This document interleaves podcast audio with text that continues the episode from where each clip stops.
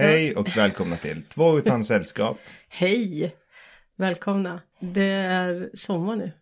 Ja, det börjar bli varmt i poddrummet. Ja, herregud. Nu är det varmt här. Och man kan inte öppna ordentligt heller för då kommer alla ljud utifrån in. Så det måste vara så här stängt. Mm. Så man knappt kan andas. Ja, Men vet du hur man vet att det är nästan sommar? nej. Ja, men det är ju när man egentligen inte har jättemycket inbokat i kalendern. Men ändå har man ingen tid. Ja, då man vet. fast eh, nu har vi ju ändå haft ganska mycket inbokat båda två. Har fortfarande. Mm, ja, fast det är ju inte för att det är ju för att sommaren är precis bara på gång nu. Så Ja. vi har ju haft studentskiva och födelsedag. Du har varit på en svensexa. Jag har arrangerat, Du har arrangerat en svensexa. Vi har ett bröllop här snart. mm, som vi ska vara gäster på det i alla fall. Ja, jo. Ja, så det har vi ju. Och jag har bara några dagar kvar till semester. Mm. Hur många dagar har du kvar till semester? Jag har inte Va? kommit till det stadiet att jag räknar dagar nu. nej, jag har precis gått okej. från månader till veckor.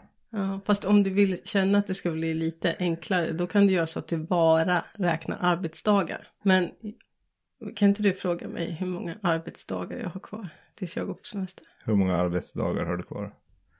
Två.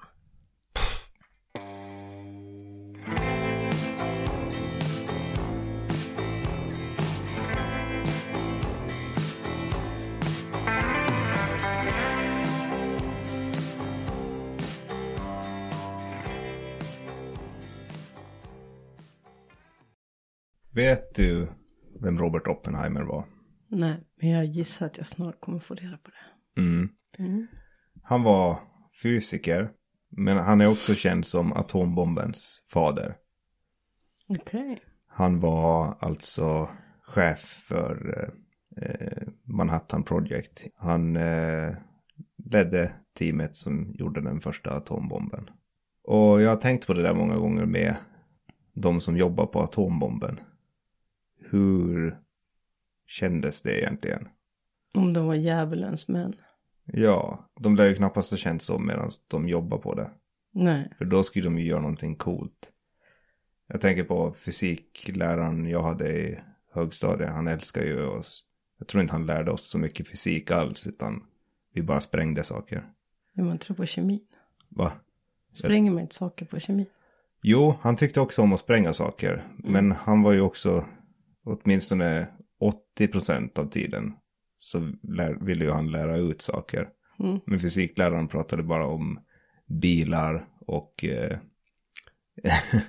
och eh, sprängde saker. Jo, så de Fysikern. Jo, fysikerna när de gjorde atombomben. Mm.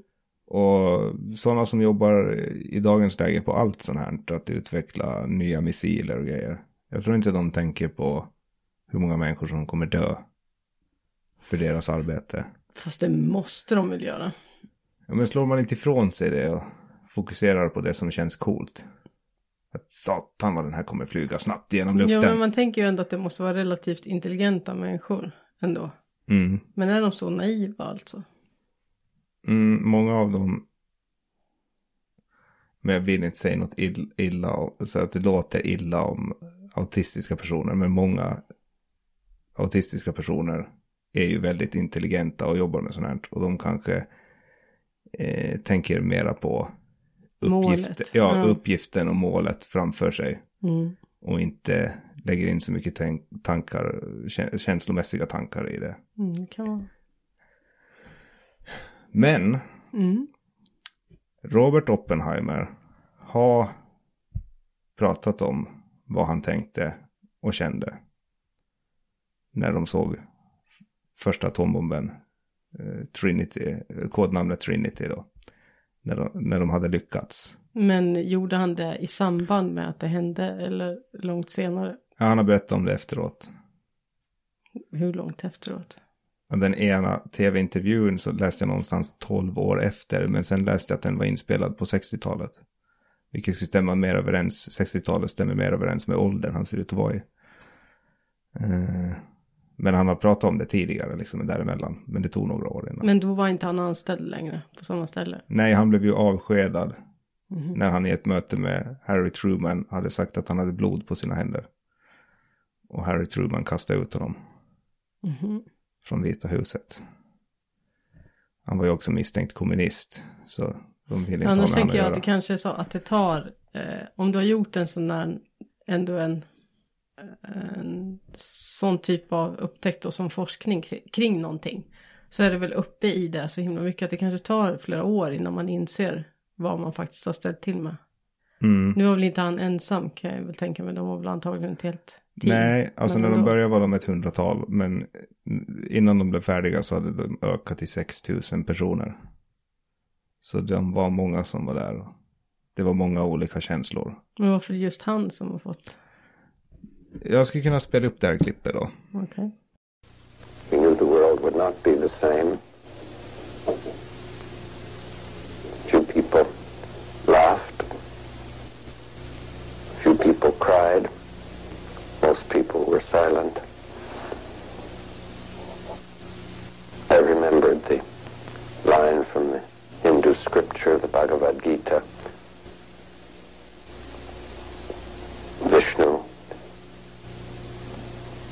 Trying to persuade the prince that he should do his duty and to impress him takes on his multi-armed form and says now I am become death the destroyer of worlds. I suppose we all thought that one way or another. Eh, Jag tycker det är starkt eh, citat. När man hör, om man hör det bara, som man gör nu i podden. Jag rekommenderar folk att kolla på det där klippet. För då, när man ser det så är det en helt annan sak än när man hör det. Det kan ju låta lite som att han har hybris. Att han Nej, pratar om sig fast- själv. Fast jag tänker väl ändå att, eh, nej man ser ju att det är med, på att det är en människa som är väldigt ångerfull, det ser man på hans ansiktsuttryck. Men jag tänker ändå att det är så märkligt att eh, oftast när folk känner ånger, i alla fall på så här äldre klipp som man ser, eller någon, någon känner ånger, då ska det alltid på något sätt dras in någon form av religion i någonting. Som att eh, det är något, kanske något trösterikt för den personen, tänker jag. Ja, kanske. Men han lär inte ha varit hindu. Han var bara intresserad av de där skrifterna. Och... Nej, men den här, eh, jag kollade upp lite och läste den här texten han pratar om. Mm. Det är alltså en prins, någon prins Rajun, som ska gå ut i strid. Eh, en strid där han kommer möta släkt och familj som fiender. Och han känner sig kluven inför att han kommer bringa död och förgörelse över ja, sitt hem, sin familj. Så då får han hjälp av guden Vishnu som övertalar honom att göra sin plikt.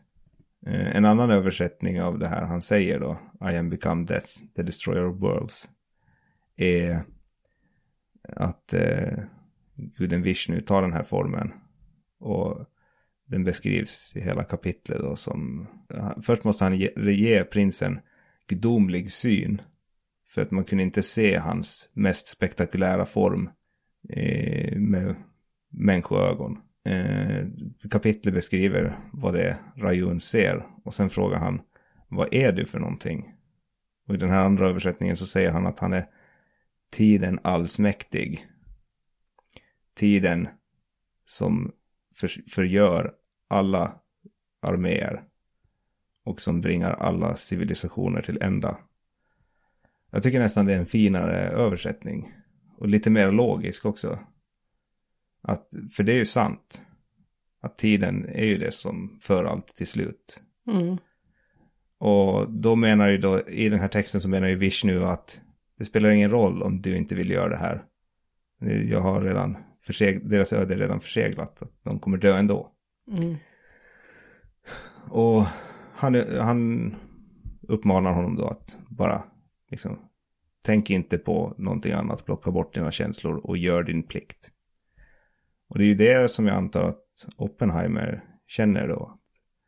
Det här som han har byggt, eh, det står utom hans makt att kontrollera. Och det måste ju ha blivit uppenbart när de såg kraften bakom bomben de byggt. Att nu går inte det här att ta tillbaka längre. Och då kanske man måste trösta sig med någonting att någon annan hade byggt den där bomben ändå om han vägrat. Ja, fast då hade ju inte han behövt bära oket i alla fall. Nej, men det var hans plikt. Och det var så han kände. Där tycker jag faktiskt. Ja, jag tycker det där tycker jag är dåligt. För vadå, man, man måste ju ändå känna med Någonstans på vägen så måste ju han ha insett ändå. Vilken typ av kraft det var han hade skapat. Och vad den kraften skulle användas till. Mm. Då började han inte ha fortsatt. Det där har ju han, det där har ju han kommit på nu när han var gammal. För det har han ju gammal på det här klippet. Mm. Han har ju legat vaken alla nätter och inte kunnat sluta tänka på det där. Och det är då han har, Han måste ju redan ha varit ångerfull ganska snabbt efter när han träffade Harry Truman och sa sådär att han har blod på sina händer. ja, men då ska han ju ha stått för det. Och sen Mm. så när han blir utkickad då ska han ju liksom gått rak i ryggen för då har han ändå sagt liksom vad han känner. Men Ja. Men det tror jag nog han gjorde. Det här var ju en intervju, de ville ju ha det där citatet av han igen, för han hade pratat om det tidigare. Mm. I alla fall, han har en speciell plats i min hjärna, dedikerat utrymme. Han dyker upp lite då och då, jag ser han framför mig. Ja, fast jag, alltså jag måste bara har säga att det kan väl aldrig vara någons plikt att, att, man, att man har en plikt att man ska döda folk. Det köper inte. Dåligt. Nej, men Nej, men du brukar känna dig som honom ibland. nu har jag ju aldrig dödat tusentals människor i någon stad. Men något Och det- liknande. Och det vill jag inte påstå att han gjorde heller. Nåja, jag, eh, vi pratade ju om det att jag eh, arrangerade en svensexa här nyligen. Mm, gud ja. Det Ja, var ju mycket telefonsamtal och skriverier ja innan ni kom igång med det. den har ju föranletts av eh, flera veckor psykisk terror Mm. mot både mig och alla som känner eh, honom. Ja, eller som ska vara med på svensexan. Ja, även, även folk som inte ska vara med Jaha, okej. har blivit förhörda. Ja, Eh, Saken är den att han, eh, han, han har problem med det här att han ska bli lurad. att han blir förd bakom ljuset. Ja, Att han inte har kontroll. Ja precis. Han, han, vill, eh, han, vill ha, han ville ha en svensexa. Mm. Eh, han såg fram emot dagen och jag tror helt ärligt, ta- ärligt att han också då egentligen ville ha det som en överraskning. Men saken är den att han ville, eh, Han ville bestämma när överraskningen skulle vara. nej han ville Nej. avslöja överraskningen. Okej. Han har förhört alla i sin omgivning och försökt ta reda på när det ska vara. Vi som har arrangerat den då har ju äggats av det här. Att bli ännu mer hemlighetsfulla. En, det har blivit ännu mera eh, hemlighetsmakeri runt det. Och jag har, som du redan var inne på, haft tät kontakt med hans eh, blivande hustru. För att eh, kunna se var han ligger i sina misstankar. Och eh, ja, hon, hon har ju då hjälpt till att föra honom bakom ljuset. Eh, vi körde ju med ett sånt här, vi, vi skrev till varandra i något slags försvinna-läge på Messenger. Du och den blivande bruden. Just det. Mm. Eh, så att eh, så fort man har läst ett meddelande och stängt chatten så är det borta. Mm. Och det var ju för att inte han skulle kunna snoka någonting. Vi skulle ju använda hans blivande hustru som eh, eh, att hon skulle få med honom ut till centrum i stan. Mm. Då hade hon hittat på en brunch de skulle fara och äta. Den där brunchen hade han ju också varit misstänksam mot. Så, så, så det var ju ett problem för han sa ju att han vägrade, han skulle inte komma med, han skulle bo på hotell och han skulle hålla sig borta hemifrån. Och jag eh, pratade ju med bruden, den här brunchen. Eftersom att han hade varit misstänksam mot den så hade vi kommit överens om att vi kanske skulle ta honom hemma hos dem istället. Mm. Den här kidnappningen. Och eh, vi skulle lämna det, jag sa i alla fall att vi skulle lämna det öppet för båda alternativen. Till D-Day. Mm. Och jag sa att jag kommer meddela på morgonen. Eh, samma dag. För att minimera risken att han ska se det här. Eh, underförstått trodde jag då var att vi i så fall skulle komma aningen tidigare än. Jag tror att jag skrev det. Mm. Men eftersom att alla meddelanden försvann så finns det ingen backlog. Kan inte gå tillbaka och se var det blev fel. Vi samlas på en parkering i närheten av deras hem. Vi är alla uppklädda till cowboys. Eh, vi taggar varandra och vi snarare, nej, vi snarare så eldar vi upp varandra. Med en massa prat om hur vi ska ta honom och hur vi ska omringa huset, täcka alla utgångar för den här jäkeln. Han är hal som en ål, han kommer försöka fly. Eh, och till slut när klockslaget som vi har bestämt på förhand kommer så är det någon, jag vet inte vem, men det är någon som säger nu kör vi. Och vi alla hoppar in i bilarna, vi gasar hem till dem. Och jag kör första bilen.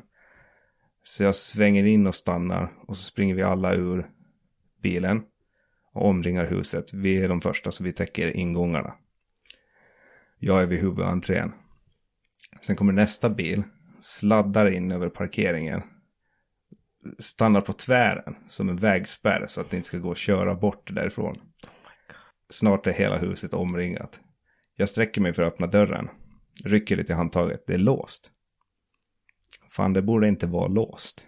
Jag låter mig inte stoppas. Jag bultar hårt på dörren och kör den här klassiken. Öppna det polisen. Jag hör att det är någon hund där inne som börjar skälla. De har två hundar hemma hos sig. På filmen som vi har av den här stormningen så har jag sett att jag, det tar lite tid här då.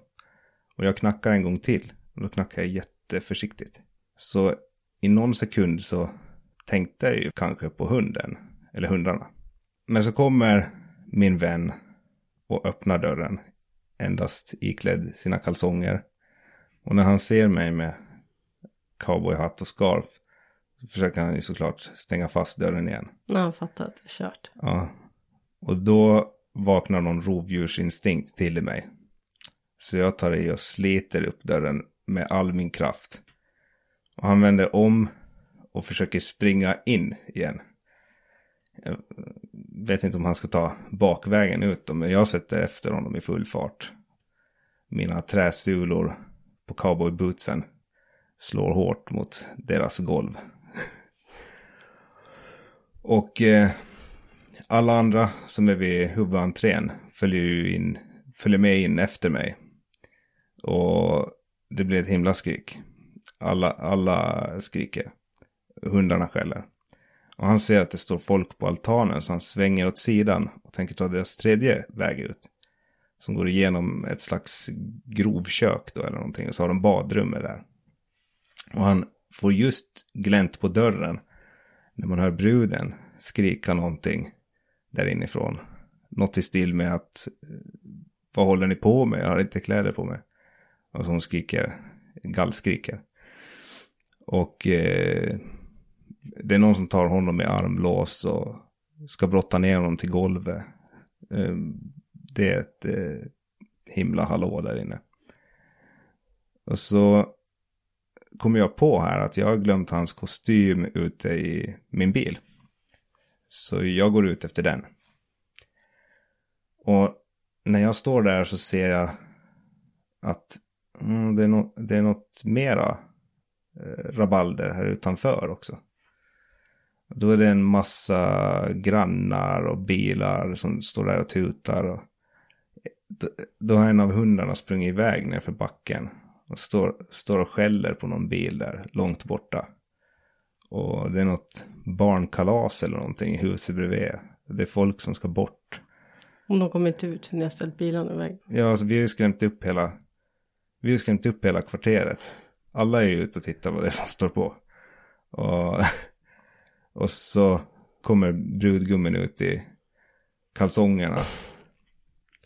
Står och ropar på hunden. Försöker få den tillbaka. Och sen kommer bruden ut. Hon är ju rasande. Jag behöver inte ens titta på henne för jag känner det i luften. Ilskan. Och jag vågar inte titta på henne. För hon är så arg. efter ett tag lyckas de få hunden tillbaka. Eh, hunden har till och med gjort på sig. Ly Så- lycka till då med dina flera veckors Så hon planering. måste ju gå in och tvätta hunden. Dusch, ställa den i duschen. Och ja, Du ser till och med ledsen ut med ögonen nu. Skäms du så här i efterhand när du tänker på det? en del av oss skrattade. Några grät. De flesta var bara tysta. Och jag tänkte på Bhagavad Gita. Eller snarare så tänkte jag på Robert Oppenheimer. När han citerar Bhagavad Gita. Now I am become death, the destroyer of worlds.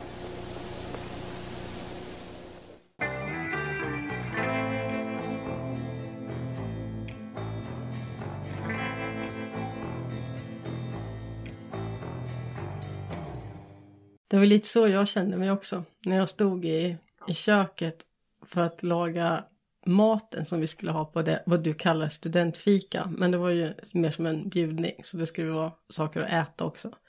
Mm, vad ja, okej, ja. Ja, och det var lite så som köket såg ut också när jag var klar. Mm. Jag är ju sådär när jag lagar saker att jag gör ju gärna flera saker samtidigt.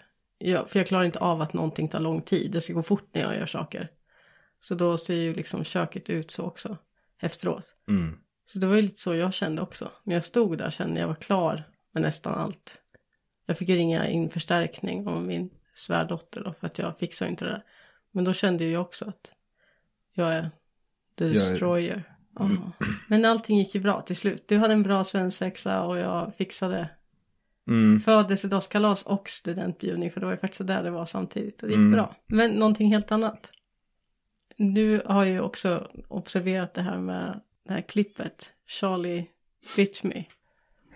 Som Ja. någon har köpt för 6,3 miljoner kronor. Så, och det tog ett tag innan jag liksom fattade poängen med det där. Men det är ju som att samla på saker. Som att man samlar på suddisar eller bokmärken. Ja, men för att de som, sak. de som inte har hängt med på det här ska vi förklara vad det handlar om då. Ja, det kan vi göra. Jag tänkte, jag har ju suttit och läst på det här nu så du kan väl börja. Ja, fast jag har inte läst så mycket på just hur det här... Eh, alltså hur, på vilket sätt. För jag trodde ju först att man kunde tjäna pengar på det. Mm. Men det kan man ju inte. Ja, det är ju Egentligen. snarare som en investering. Det är ju som, som att en- köpa en tavla. Ja, Till precis. väggen. Att man köper, istället för att köpa en tavla eller köpa något annat samlarobjekt. Så är det här samlarobjektet. Mm. Alltså själva klippet på Charlie Bit Me. Jag vet inte, vad heter det? Kanske, vad he- kallas klippet? Vad heter Charlie Bit Me? Nej, jag vet inte. Men något sånt. Charlie bit my finger. Ja, Charlie Bit My Finger heter. Eh, så det är ju liksom själva Oh, Charlie. Charlie Bit My Finger. Men det, det är liksom det är själva samlarobjektet. Den, Mm. Det klippet. Det är som tavlan som du har på väggen eller eh, en baseball eller Ja, vad det nu är du samlar Precis som en tavla på. Mm. så går det att kopiera det. Ja, Men att göra en identisk kopia är i princip omöjligt. ja, Det är alltså en kryptering som man använder för att skapa någonting som kallas för NFT, Non-Fungible Token. Och Den här krypteringen är någonting som är utvecklat av eh, NSA, alltså National Security Agency i USA från början. mm, och det är i grund och botten samma typ av kryptering som bitcoin använder med. Kryptovalutor, flera använder det där. Jag såg ett exempel på hur det där funkar när de hade en bild som de gjorde en sån här kryptering av. Och då ändrade de en pixel. Han zoomade in och så målade han om en pixel till en annan färg. Inte ens en helt annan färg utan en annan gråskala. mm, Och då blev eh, den här krypteringskoden som man fick ut när man körde den genom programmet helt annorlunda. Inte en enda del av den nästan var likadan längre. mm. Ja men alltså, det är många som resonerar att det, ja, men det är slös med pengar. Att man kan väl göra något annat för de där pengarna. Men egentligen så eh, om man nu en gång är en samlare så är det ju inte mer slös än om du köper eh, vad, vad är det vanligt att man samlar på? En smurf. Han där fysikern, han samlar ju på smurfar. Han har säkert betalat. Robert Oppenheimer. Nej, inte den fysikern. Han andra, vad heter han? Uh, Ja, han var med i tv och ja, jag pratade om glömde det. bort Någon namnet på honom. Men i alla fall, svensk. han samlar ju på smurfar. Och han har ju berättat att han har ju betalat jättemycket pengar för en del av smurfarna. Så då är ju det egentligen samma sak. För han kanske aldrig kommer att få tillbaka de pengarna heller. För de flesta samlare, de lämnar ju aldrig ifrån sig det som de en gång samlar på. Utan de Nej. har ju det för alltid. Sen är det sådana som egentligen inte har intresse som samlar på saker. Det är de som driver upp priser. För de spekulerar i vad som Mm. kan bli värt mer och mindre. Det är där största prisutvecklingen kommer ifrån. Spekulationer. Jag har ju funderat mycket på det där också. Om Mm. man ska. Men jag har ju sådana klipp som... Eh, nu titt, jag tittar faktiskt inte så mycket på kattklipp. Det skulle man kunna tro att jag gör. Men jag tänker att vi har ju det hemma hela tiden. Och de gör knasiga saker. Så att det får jag ju nog av ändå. Men något som jag ofta fastnar, och det finns på TikTok också ganska mycket. Det är ju när någon går runt och frågar amerikaner. Till exempel olika saker. Och sen så framstår de som jättekorkade för de vet ingenting. Mm. Till exempel säg ett land som börjar på bokstaven U och de säger Utah. Ja, Det är roligt, tycker jag. lite. Ja. Nej men och det är också så här att jag skäms å deras vägnar på något sätt. När de får så här frågor att, att ehm, Ja men det kan vara vad som helst att vi, i vilket land är Paris huvudstad och då säger de i Europa. Mm. Och sen så, ja men du vet. De är inte otroligt allmänbildade om andra länder. Inte så jättemycket om sitt eget land heller förutom den staten de själva bor i oftast. Ja, Men det är väl säkert så bara det framstår också. För jag kan tänka mig att no- om någon kommer fram till dig på gatan och ställer en fråga. För det första blir du överrumplad för att någon kommer fram och ställer en fråga. ja. Och då kanske du bara liksom av det blir nervös och svarar fel. Det vet man ju inte heller. Men det var det jag blev att tänka på för sen så då kan jag sitta där och fnissa åt de där människorna och tycka att de är jättekorkade. Men det ska ju sägas att här är det ju ofta att här är det ju istället omvänt för här är det ju att många benämner Afrika som att det skulle vara ett land. Mm. Annars kan man ju också kontra med det att säga hur många delstater kan du räkna upp i USA på, på rak arm. Det är inte så ofta man möter på någon som sen lyckas så bra med det. Nej, för där tror jag att många kan blanda mellan städer och delstater också. Eller deras regional capitals. ja, men jag tror inte att de heller delstat. kan det. Det är det som är grejen. Mm. Det det är det som är grejen och de kan inte det själva heller. Men, men i alla fall, så jag skulle nog samla på den typen av. För då kan man ju börja med ett. Att man köper något. Och sen så skulle man samla då på de där. För jag tänker att de kan inte, de kan inte vara lika dyra heller. Att då Mm. kanske jag har råd. Det är som att köpa några billiga aktier. Ja, Fast, eller det kanske är lite som att samla på penny smurfar. stocks. Ja, eller samla på smurfar. Det är lite samma tänker jag. Mm. Om jag köper några stycken sådana och så har jag och så är det mina. Och så kan jag bara samla på dem. De som är roligast. Mm. Det tror jag jag ska göra. Ja, jag skulle ju vilja ha... Det låter så dumt att säga det, men det är ju så de blivit att kallas på internet. Mm. Eh, som kan låta lite rasistiskt. Eller det är väl rasistiskt, men tu- turkklippen eller men vad. de heter ju så. De he- alltså på YouTube så Ja, heter fast de det ju så. första och mest kända heter ju inte det? Skogsturken. Nej, Utan det heter Vem var det som kastade? Så Okej. hette det när det laddades upp. okej. För det är så han säger. Vem var det som kastade? Mm.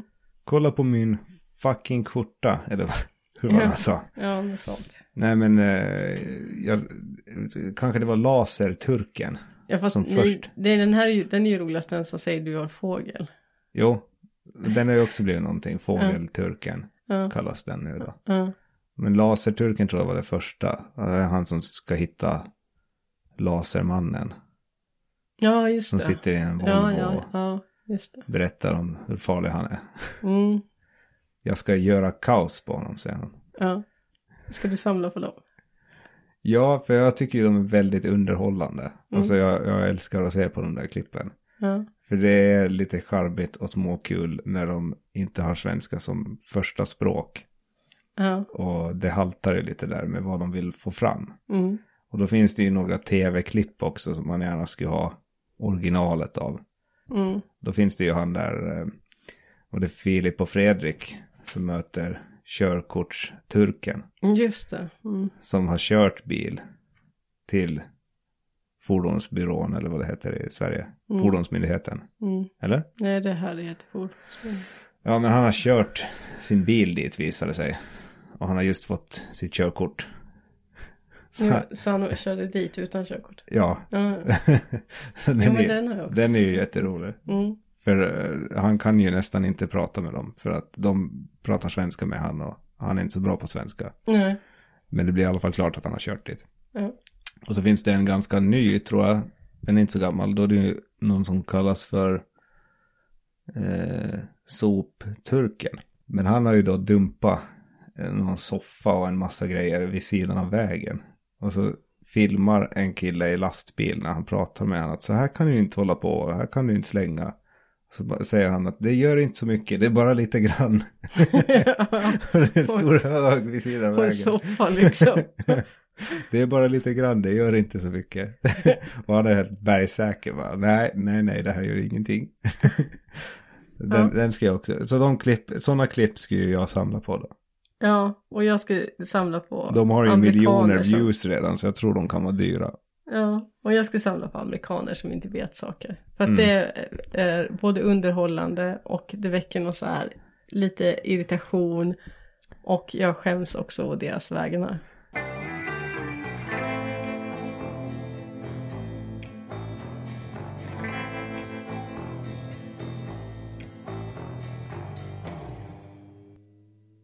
Jag har tänkt på en sak. Mm. Varför kan eh, kvinnor som är födda mellan, nu måste jag dra det här lite, det kanske inte riktigt stämmer. Det är skjuta från höften. Ja, skjuter lite från höften. Men vi säger sådana som är födda på 40, 50 och 60-talet. Mm. De kan inte benämna sig själv som kvinnor. Utan de kallar sig själv för tjejer. Mm.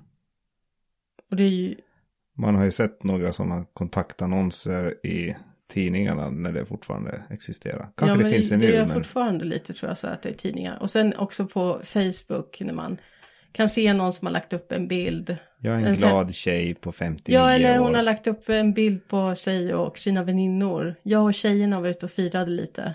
Så här, Mm. några 50-talister. Jag och tjejerna. Eller, alltså det kanske man inte skulle säga jag och kvinnorna. Men, men ändå. Ja, men man liksom, kan väl säga jag och vännerna. Jag hade mina väninnor. eller Ja. Men det är alltid tjejer. Jag är en, jag är en tjej på 65 år. Alltså, vad, är- varför är det farligt att säga kvinna och hur har det blivit så att det liksom är ett dåligt ord? Eller att det på något sätt kanske är stelt.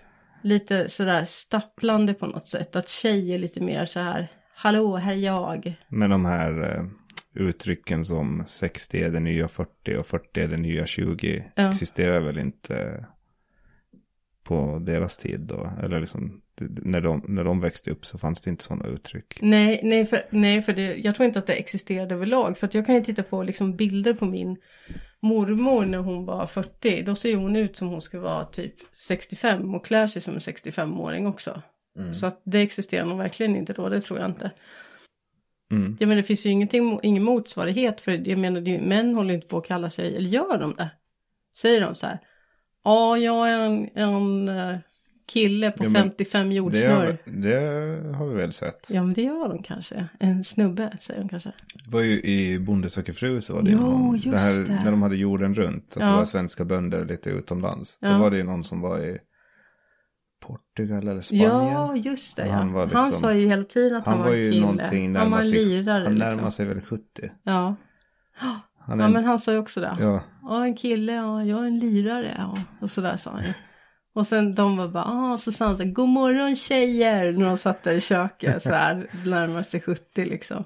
men för dem känns det väl som att de är evigt unga om de pratar så. Ja. Fast, ja. Inte vill väl du heller gå runt och känna dig gammal? Nej men blir jag yngre för att jag kallar mig för tjej? Men det är ju fortfarande som att, då är det ju som att ordet kvinna är någonting gammalt och fult. Mm.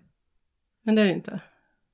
Men om, om det, Men jag läste en bok. om det var då- så när de växte upp, om, det, om, om, Att om din mormor, om din mormor verkligen så, såg sådär gammal ut, eller vad sa du, när hon var 40 Ja men hon var det ut som- 40 såg hon ut som typ, alltså kläder och sådär. Så, så såg hon ut som att hon skulle vara en gammal kvinna på det sättet hon klädde sig liksom. Ja, och farbror Melker pratade vi om förut. Ja. Han såg ju inte ut som att han var 45 precis. Ja men jag skulle säga det, jag läste en bok nu och då var det just eh, karaktären i boken, så hon hade också så här, jättesvårt att ta ordet kvinna i sin mun. Men sen kom hon på att om hon sa kvinna med Q, Ja, då gick det bättre. För då blev det något så här romantiskt över det och inte så stelt och stapplande. Så hon kallar sig själv för kvinna. och W också då. Ja, QW. ja. Kvinna. Ja, Ja. jag vet inte alltså. Jag tycker vi ska ta tillbaks ordet kvinna och använda det som det. Jo, men jag får liksom inte avsluta en mening här känns det som. ja, nej Alltså, men det är för kvinnan pratar nu. Ja, ja, med farbror Melker ja, såg ju inte heller så himla ung ut när han var, vad var han, 45? mm, Så när de här du pratar om växte upp så var ju en kvinna och en man mm, din mormor och farbror Melker. mm, Så om man är, säger du inte 40, mm. så skulle jag påstå att man är en kvinna då. Men de kanske, för de kanske det tar emot att säga det, för det känns som att man är gammal då. Nej, jag tror för att eh, ordet tjej har inte funnits i svenskan så himla länge väl. Ingen aning. Det kommer ju, det är ju ett romskt ord, Mm. tjej. Så jag tänker väl liksom att det kanske var att det kom, att det var, det var ju slang när det kom från början. Mm. Och sen så har det blivit ett coolt ord. Kanske och så bara fortsatt att säga det för att det är ett coolt ord. Jag Mm. vet inte. Finns det något ord inte du kan sätta i din mun? Något ord. Ja, finns det något du känner att du har svårt med? Så alltså om du talar till dig, om dig själv. Om, om mig själv. Ja, ja, men... men det för- vet jag inte. Nej. Men ord som jag inte tycker om, men det finns det ju. Jag Ja. tycker inte om när man eh, säger pattar om bröst till exempel. Det tycker jag låter jätteilla. Ja, då kan ju du absolut inte ta det ordet i din mun när du pratar om dig själv. Nej. Du kan inte komma och säga att åh vad svettig under pattarna.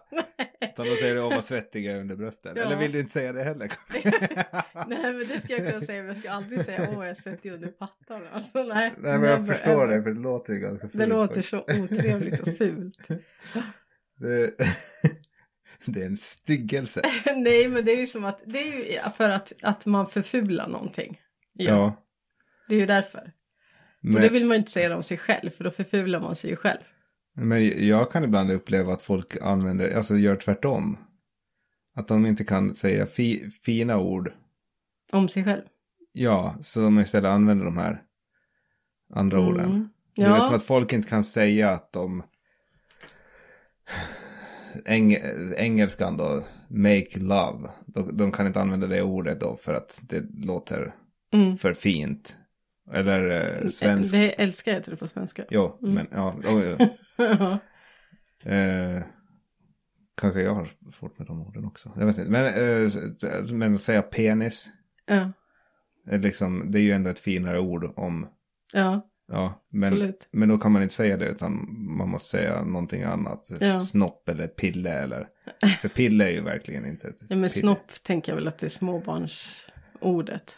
Ja, eller? men jag upplever att det finns folk som har svårt att säga de här vuxna orden. Ja, kanske. Där med. Och att det finns kvar fortfarande då. Ja, och men då det- säger man det tror- fulare ordet. Ja men det kanske också är det att om du börjar svänga dig med lite finare ord så förväntar sig folk att du ska ha en bra vokabulär och så kanske du inte har det och då, då har du gjort bort dig. Ja. Så då säger du lite så här lite enklare barnord så att då, då klarar du dig. Så har ingen, ingen har några höga ja, förväntningar men för på mig är dig. de där barnorden är ju otroligt fula. Eller alltså det känns, jag, jag, ty- jag tycker att det känns obehagligt med de orden. Ja, ja, kanske när vuxna använder dem. Ja, en vuxen ska stå och prata, om man säger att man ska... Eh, Kommer du få något annat än könsord nu? Nej. nej, det är ju de som jag kommer på först. Ja, för det är väl kanske det som är lite mer.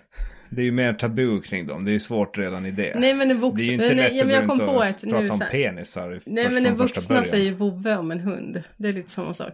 Ja, min vovve. Ja, det är jättelarvigt. Det är som att de inte kan att det, språket inte har utvecklats utan de stannade på barnstadiet.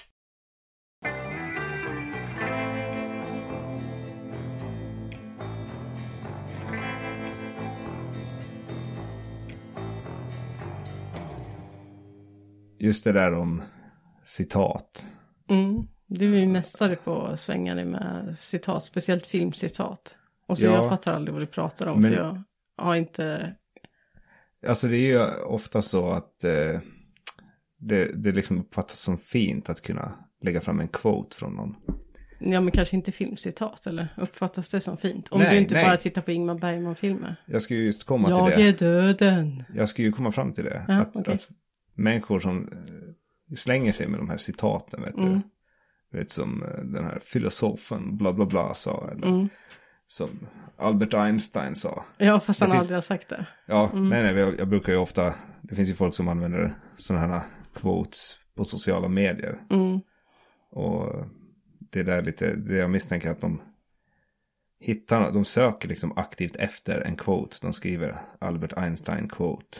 Mm. Och så hittar de något som de tycker låter fint. Bara, Det här ska jag använda.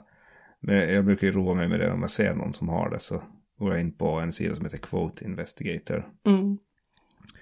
Och då är det någon, någon, det måste ju vara ett team av människor som jobbar med det där. Ja. Och liksom fact-checkar quotes och spårar dem tillbaka till, har den här personen verkligen sagt det? Bara, nej, det går längre tillbaka än så. Det finns tidningsartiklar från 1820 som har skrivit en variation av det här uttrycket. Så man kan se hela historiken av skitmånga citat som cirkulerar. Så det här med att eh, just Albert Einstein så är det det här med att eh, eh, du ska inte döma det är lite som att du ska inte döma en bok efter omslaget. Hunden efter håren. Ja, fast han, att han skulle ha sagt att eh, om du dömer en fisk efter dens förmåga att klättra i träd. Mm. Eh, att, eh, hur fan går det där citatet ens då? Att, att om du dömer intelligensen på samma sätt som du döm, att du skulle döma en fisk efter förmågan att klättra i träd. Mm. Vet, alla är smarta på sitt sätt. Och det skulle Albert Einstein ha sagt. Mm. Och där luktar det ju rutten hund lång väg. Ja, Nedgrävd hund. Nej, vad säger man? jag vet inte. En Ja, hund, det är en hund begraven brukar det, man säga. ja, det luktar illa om det här citatet redan från början. Efter att Albert Einstein var fysiker. Mm. Inte motivational speaker 2020. Inte livsstilscoach i Nej. Stockholm. Nej. Han var fysiker. Så det har ju han inte sagt. Jag kommer inte ihåg varifrån det kom, men det är helt annanstans än, än honom. Mm. Men vilka är dina favoritquotes då? Mina favoritquotes. Mm.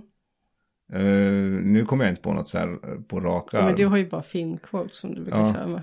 Det var Ja. lite det jag ville komma in på med filmer. Att, eh, det är ju det jag ofta slänger med, att jag refererar till filmer. Och det känns ju absolut inte lika fint. Men jag vet ju åtminstone varifrån de kommer.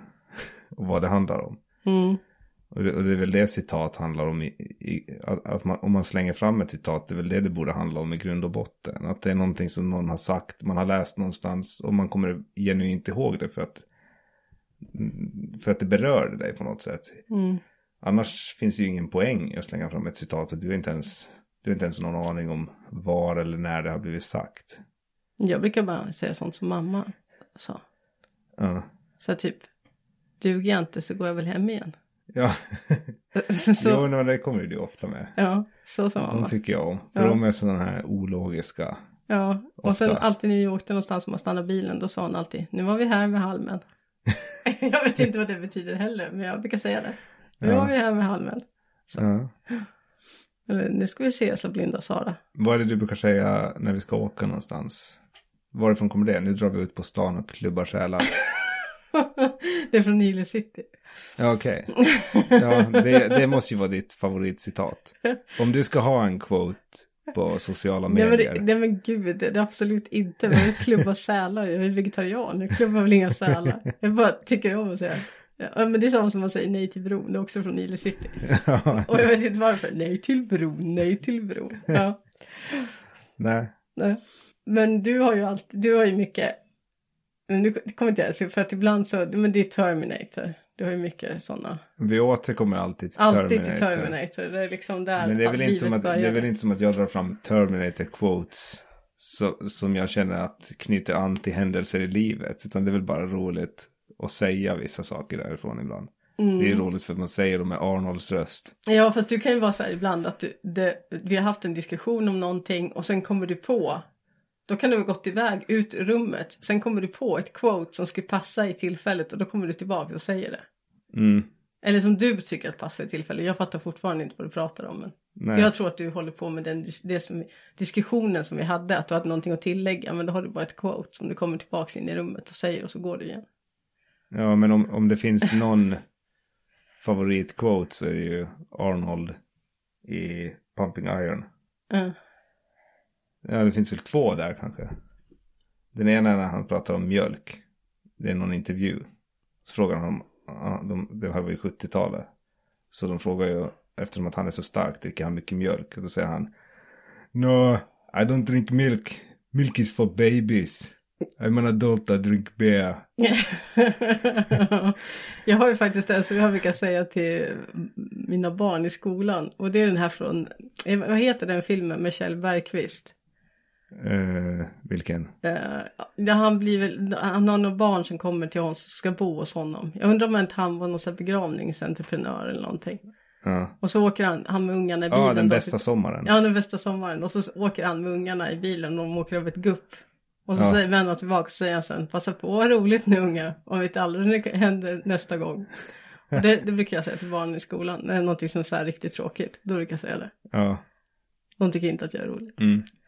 Andra favoritcitat är ju när Arnold säger The greatest feeling you can get in the gym is what we call the pump. Ja. För då pratar han om när man tränar och det kommer blod till musklerna, de sväller upp. Och Och man kan alltid lita man på känner, Arnold. Ja, man känner sig uppumpad. Ja. Och säger han To me it's even greater than the feeling of coming when you're having sex. So can you imagine how much I am in heaven? I'm coming all day.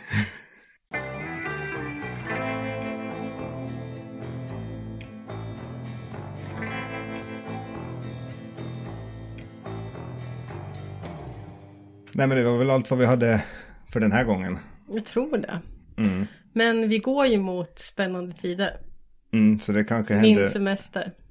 Ja, Mm. du tänker, att, du tänker att du ska ha en jätte actionfylld och händelserik semester och så vi har mycket att berätta om i podden. Ja, eller jag kanske bara mest sitter och väntar på att du ska få semester. Ja, men det hoppas jag att du Men inte sen gör. blir det roligt.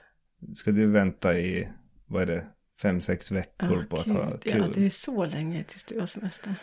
Oj. Ja, nej jag tycker nog att du ska passa på att ha roligt.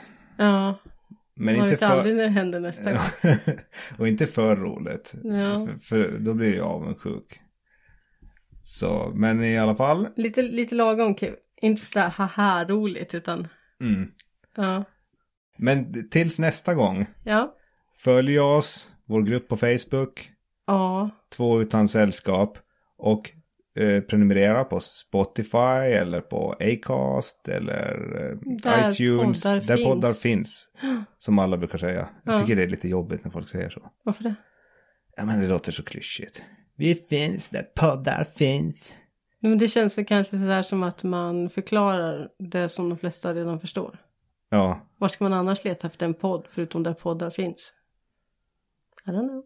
Jag vet inte, folk kanske sitter och söker på Google. Jag vet inte om man får fram. Jo, det får man. Jag Får har man? testat. Men eh, Google är också lite styrt av var du befinner dig och vad du söker på. Ja, men man får fram det. Jag har testat. Jag Okej. testade när jag var i Hammarland. Jag har testat när jag Men var på, i mobil, Lämland. på din mobil varje Så gång. det eller hur? funkar var Det är på som din helst. mobil. eller hur? jag kan inte säga att jag har testat på så många andra ställen eftersom inte vi får resa så mycket. Men, Men du har inte testat på någon annans mobil? nej. Ja, du ser. Så, Så ni kan väl testa och sen så hör ni av er.